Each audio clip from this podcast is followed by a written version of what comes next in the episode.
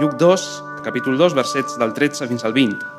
De sobte es va unir a l'àngel una multitud de l'exèrcit celestial que lluaven Déu i deien Glòria a Déu a les altures i a la terra pau, bona voluntat envers els homes. I s'esdevingué, quan els àngels se n'anaren cap al cel, que els pastors es deien entre ells anem fins a Betlem a veure això que ha passat, que el Senyor ens ha fet saber. I anaren de pressa i trobaren Maria i Josep i el nen ajagut a la menjadora. I en veure'l, van fer saber allò que se'ls havia dit d'aquell nen. I tots els qui ho escoltaven, o havien escoltat, restaren meravellats d'allò que els explicaven els pastors. I Maria guardava totes aquestes coses i les meditava en el seu cor. I els pastors se'n van tornar glorificant i lluant Déu per totes les coses que havien escoltat i vist, tal com els havia estat anunciat. Hola i benvingut al podcast de Ciutat Nova, una església protestant al barri 22 arroba de Barcelona.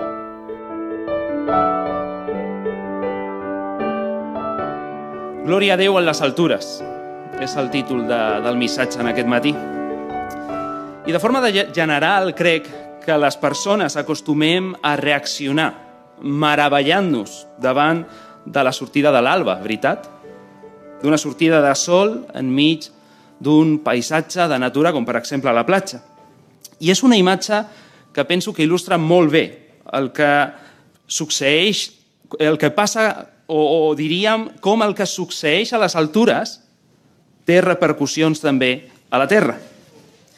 Lluc ens presenta per boca de Zacarias, el pare de Joan el Bautista, al verset 78 del capítol 1, a Jesús com el sol naixent com la sortida d'un alba que ens visita des de les altures. I davant d'ell l'única resposta a la que ens vol portar és només una, meravellar-nos. Ahir es predicava de l'arribada del Nadal, que Jesús és nat.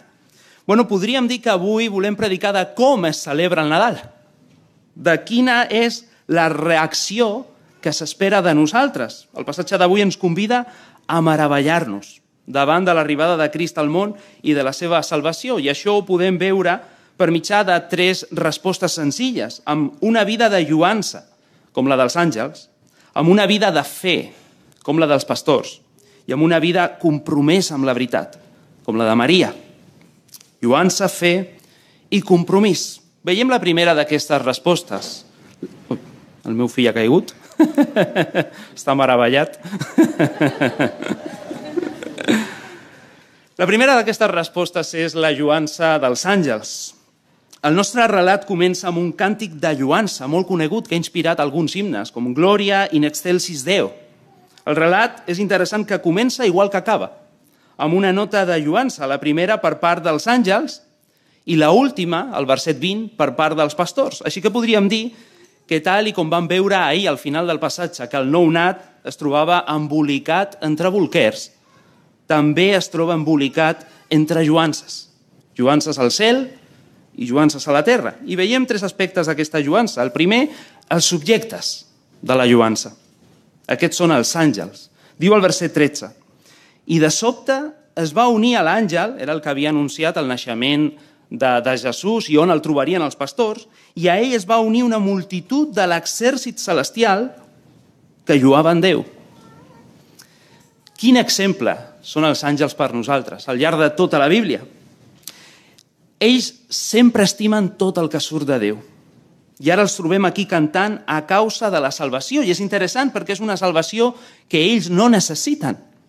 Ells no, ells no estan en una relació d'enemistat amb el seu Déu i no necessiten aquesta salvació, però igualment els omple de goig. Lluc ens ensenyarà en el seu Evangeli, especialment al capítol 15, com s'alegren quan veuen un sol pecador que es penedeix i que troba la seva salvació a través de Crist. I la pregunta és, i no saltarem d'alegria, nosaltres, amb lluances, nosaltres que som els objectes d'aquesta salvació, els destinataris? Diu un teòleg i pastor del segle XIX, J.C. Ryle, hablando de los ángeles, sin duda, si esperamos morar con ellos eternamente en el cielo, debemos compartir algo de sus sentimientos mientras estamos aquí en la tierra. Però veiem el contingut d'aquesta lluança, també.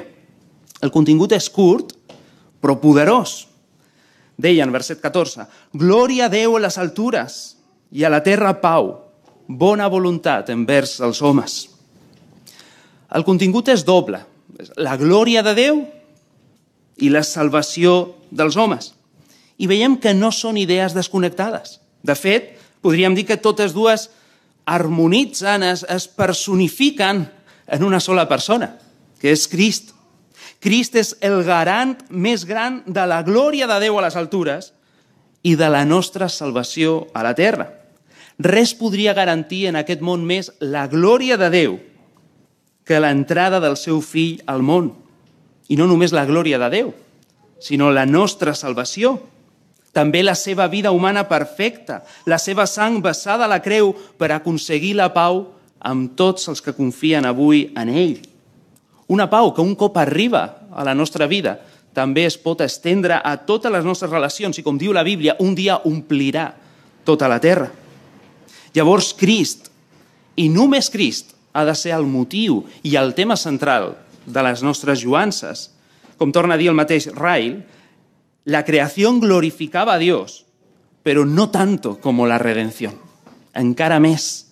Ara, si mirem el contingut d'aquest càntic, ens ajuda a desfer un malentès eh, que tenim moltes vegades, i és pensar que a la vida hem d'escollir entre la glòria de Déu i la nostra felicitat. O obeïm a Déu o gaudeixo de la vida, com si fossin dos realitats que estan renyides, però veiem que no és així. L'Evangeli, les bones notícies, ens ensenyen que no. Que l'arribada de Crist al món ens diu que la glòria de Déu a les altures està estretament vinculada amb la pau i amb el benestar dels homes a la terra.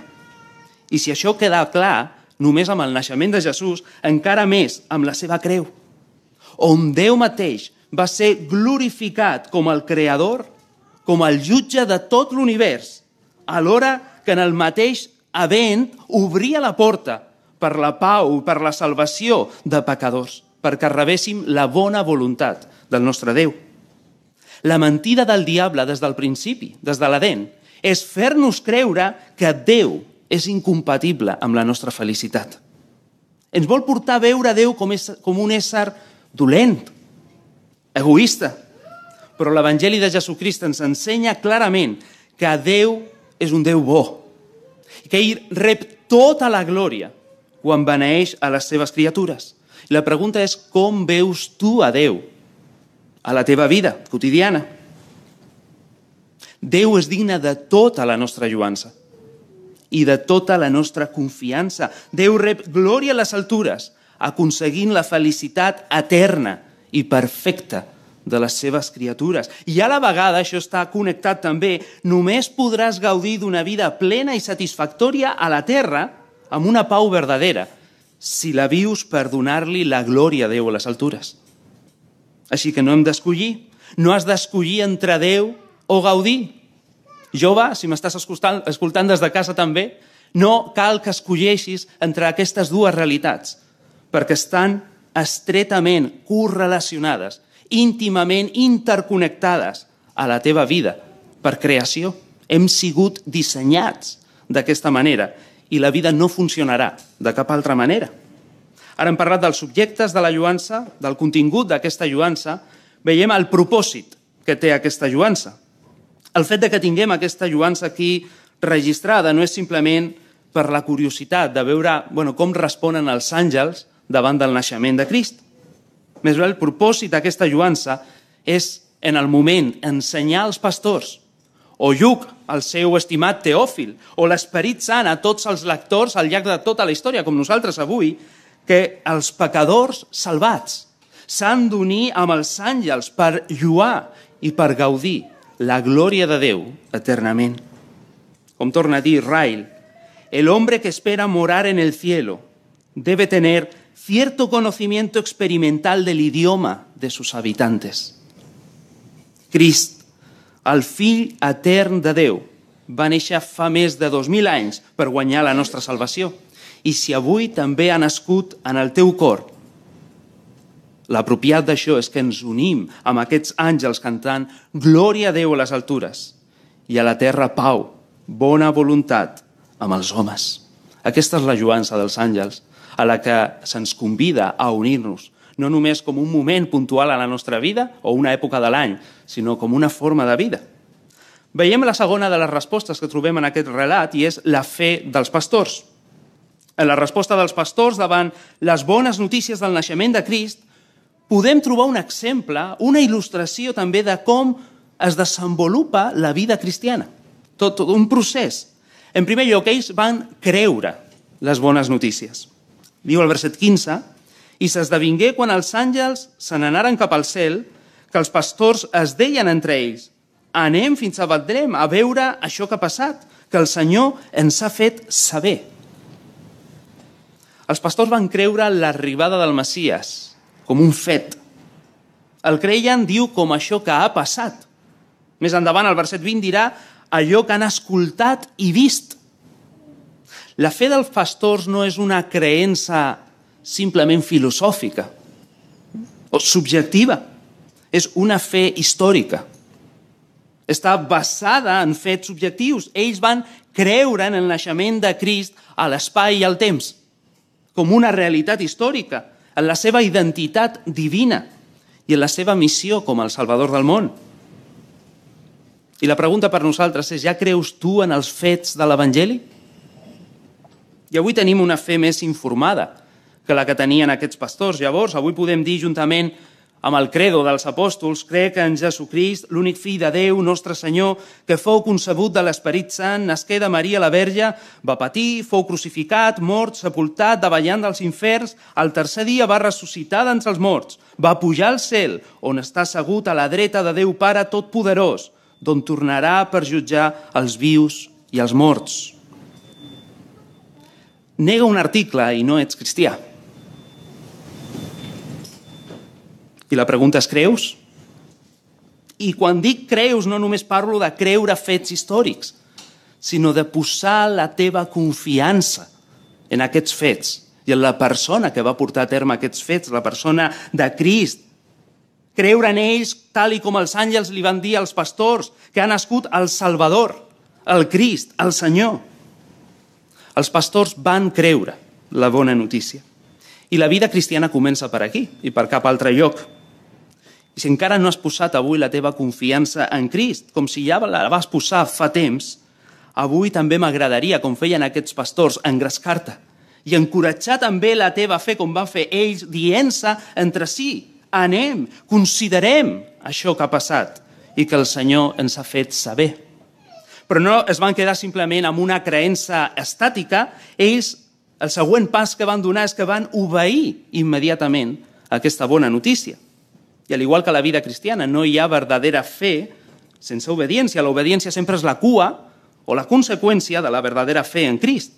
I així diu el verset 16 que els pastors hi anaren de pressa i trobaren Maria, Josep i el nen ajagut a la menjadora. El text diu que van anar de pressa, apressuradament, immediatament. Ens preguntem què van fer amb el ramat. No? Era de nit, estaven rodellats de perills, hi havia jocs, segurament eren bons pastors i abans de marxar havien deixat tot engestit, ben adreçat. Però el que és interessant en el text és que res els impediria obeir el missatge dels àngels per trobar-se amb el Crist. I si de veritat has cregut el missatge de Crist, ara obeiràs immediatament sense mirar el que deixes enrere. Correràs a ell i no et voldràs separar d'ell. Si estiguéssim parlant de qualsevol altra cosa, qualsevol altre tema, jo et diria, no, ocupa't primer del teu negoci, o de la teva herència, o de la teva salut, o de la teva família, o dels teus amics, o d'aquest somni que tens. Però quan estem parlant de Crist i de la teva salvació, només puc dir-te, corre immediatament, tu també a ell, de pressa, sense mirar el que deixes enrere. Déu ja s'encarrega del ramat. Déu s'encarrega del sosteniment, de la teva situació. Tu obeeix i procura trobar-te amb el Crist. I avui no el trobarem a la menjadora de Betlem, però sí el trobarem per mitjà de la fe en el seu tron, sempre disposat a salvar-te, a renovar-te i a enfortir també la teva fe. No només van obeir, sinó que van predicar allò que sabien. És el tercer pas que donen. És la tercera cosa que van fer els pastors i que il·lustra també la vida cristiana. Un cop hem cregut en Crist, hem deixat tot enrere per seguir-lo. Diu el verset 17 que en veure'l van fer saber allò que se'ls havia dit d'aquell nen. Els pastors simplement van predicar allò que sabien del Crist. Per poca profunditat, per poc vocabulari que tinguessin, el centre de la seva predicació era Crist, no era eh, la se... com, com es sentien després de l'experiència que van tenir, només. No, no van parlar de si mateixos i de la seva pròpia experiència o visió, només van compartir, diu el text, allò que se'ls havia dit d'aquell nen, concretament. El nen era el protagonista del seu missatge. I aquest nen, que més endavant va créixer, que va viure una vida perfecta per nosaltres, que va morir crucificat pels nostres pecats, que va ressuscitar en poder, com a prova de la salvació, del seu poder i, i, i, de, i del seu regne, ara també ha de continuar sent el protagonista del nostre missatge. El tema central d'allò que compartim, de forma senzilla, però que sigui de forma convincent, de forma segura, Jesús ens diria més endavant que de l'abundància del nostre cor parlaria la nostra boca. Doncs, com aquests pastors, omplim cada dia el nostre cor amb les bones notícies de l'Evangeli i que la nostra boca no deixi de compartir el que nosaltres també sabem d'aquest nen. Compartien el que sabien d'ell. I finalment van continuar la seva vida glorificant a Déu. Diu el verset 20, i els pastors se'n van tornar glorificant i joant Déu per totes les coses que havien escoltat i vist, tal com els havia estat anunciat. Els pastors van continuar després tota la seva vida, plens d'alegria, de lluança. I aquesta és també la tònica de la vida cristiana. Quan oblidem això, quan, com diu David, perdem el goig de la nostra salvació, llavors cal que tornem a aquestes coses que s'han escoltat i que s'han vist Cal que tornem de nou a la menjadora de Betlem? Cal que tornem de nou a la creu del Calvari? Cal que tornem de nou a la tomba buida i que gaudim de tot el que Crist ha vingut a aconseguir per nosaltres. Nosaltres que érem com aquests pobres pastors, que estaven immersos en la foscor de la nit, ple de perills, de frustracions, d'ansietats, sense pau. I Crist va néixer per donar-nos vida, i vida abundant. I aquesta és la vida cristiana. Tornem amb Rail, ell diu, el viaje que comienza en fe, fent eco de la vida d'aquests pastors, generalmente concluye en alabanza. Aquesta és la vida cristiana. Aquesta va ser l'experiència cristiana d'aquests pastors. Van creure les bones notícies, van obeir immediatament, van predicar allò que sabien del nen i van continuar amb una vida glorificant a Déu. Respondrem de la mateixa manera també nosaltres davant de l'arribada del Crist, davant del Nadal? Tant de bo que avui també es pugui dir de cadascun de nosaltres, com es va dir d'aquests pastors, que després d'aquest culte vam tornar a casa glorificant i lluant a Déu per totes les coses que hem escoltat i que hem vist, tal com se'ns ha estat anunciat també a nosaltres. Aquesta va ser la fe dels pastors. I veiem l'última de les respostes davant del naixement de Jesús i és el compromís de Maria. I això ho veiem als versets 18 i 19. Davant les paraules dels pastors es van trobar dues respostes diferents.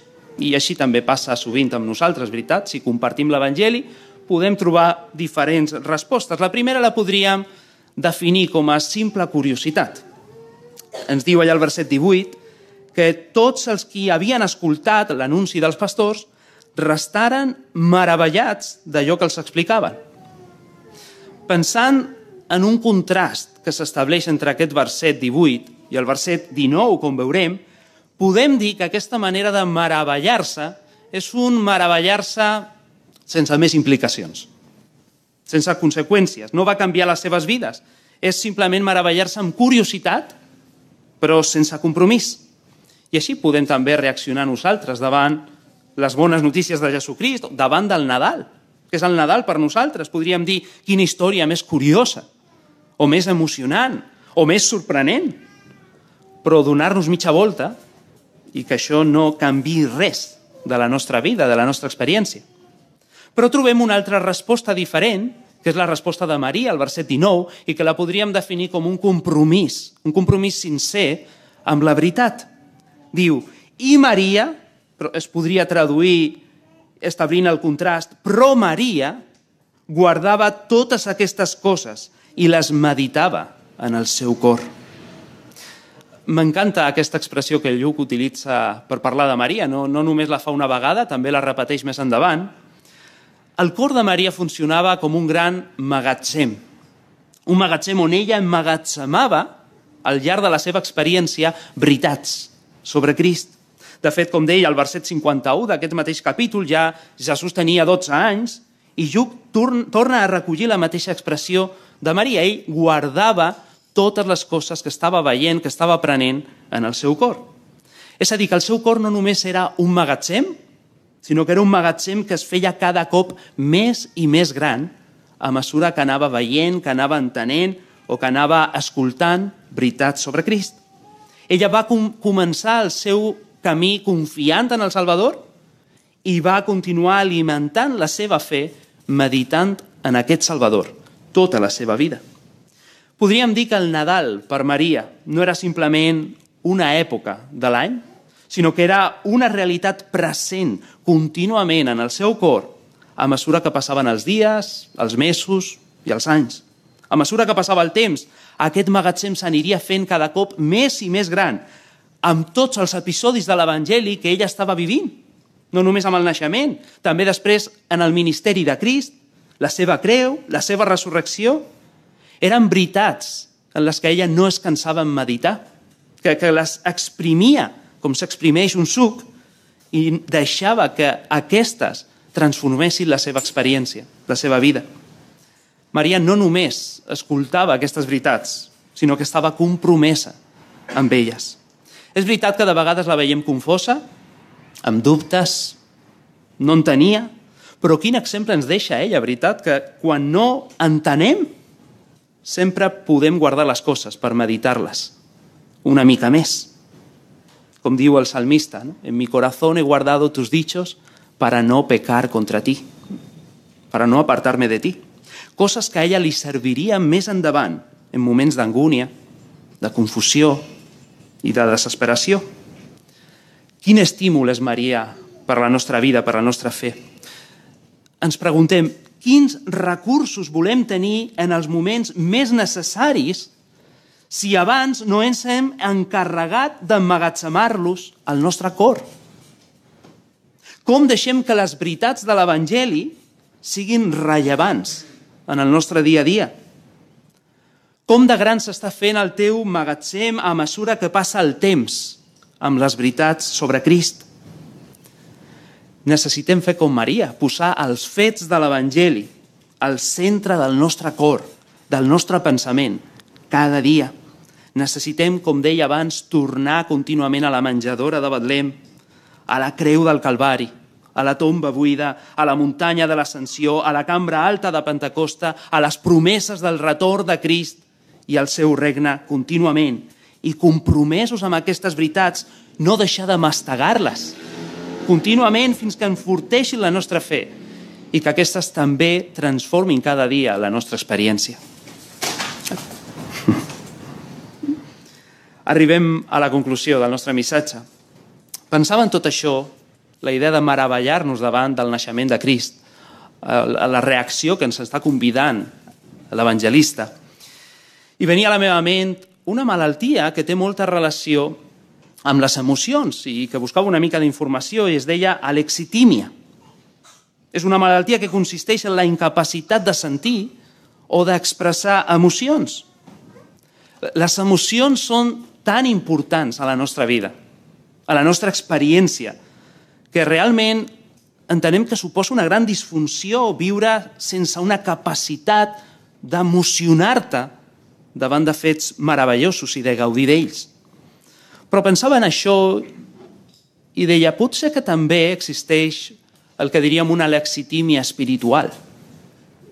I és quan no reaccionem apropiadament davant de la glòria de Déu. Davant de la glòria de Déu especialment demostrada amb l'arribada de Crist i de la seva obra a favor de nosaltres, de pecadors com nosaltres.